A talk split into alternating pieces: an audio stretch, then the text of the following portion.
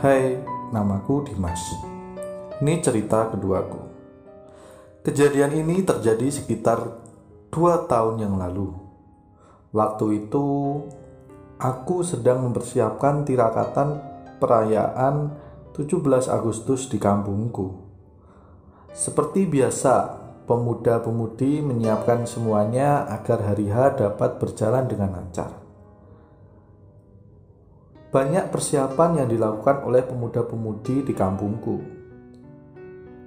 Aku kebetulan menjadi anggota si acara.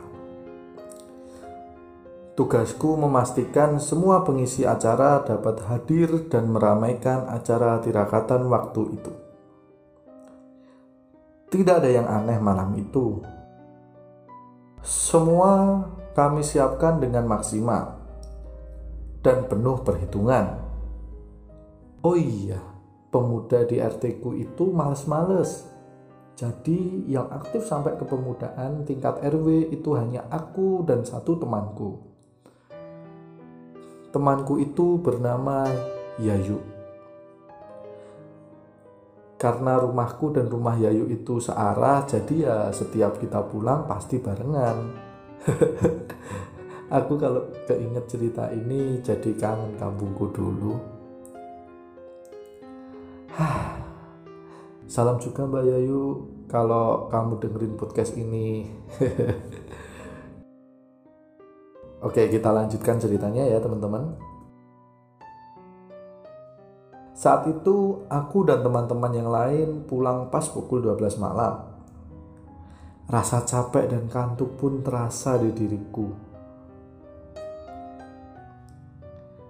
Hari itu seperti biasa, aku pulang bersama dengan Mbak Yayu melewati jalan yang gelap dan sunyi dan terasa angin malam yang menembus tubuhku membuat badan ini kedinginan dan ingin segera beristirahat.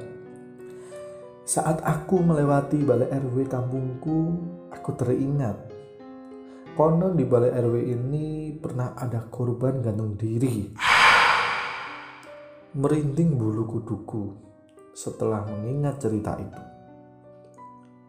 Ditambah dengan adanya pohon mangga tua dan besar di hadapanku. Setelah kita melewati pohon itu, tiba-tiba Mbak Yayu berteriak kepadaku. Dia mengatakan, "Di pohon, Dim, di pohon." Ada apa, toh, Mbak? Sambil ketakutan, aku tak berani melihat pohon itu.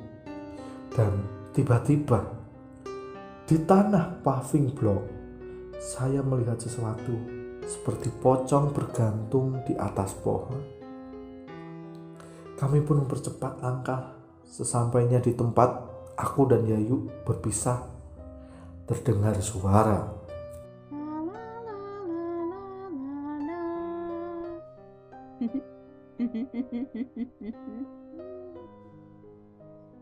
Will you come play with me?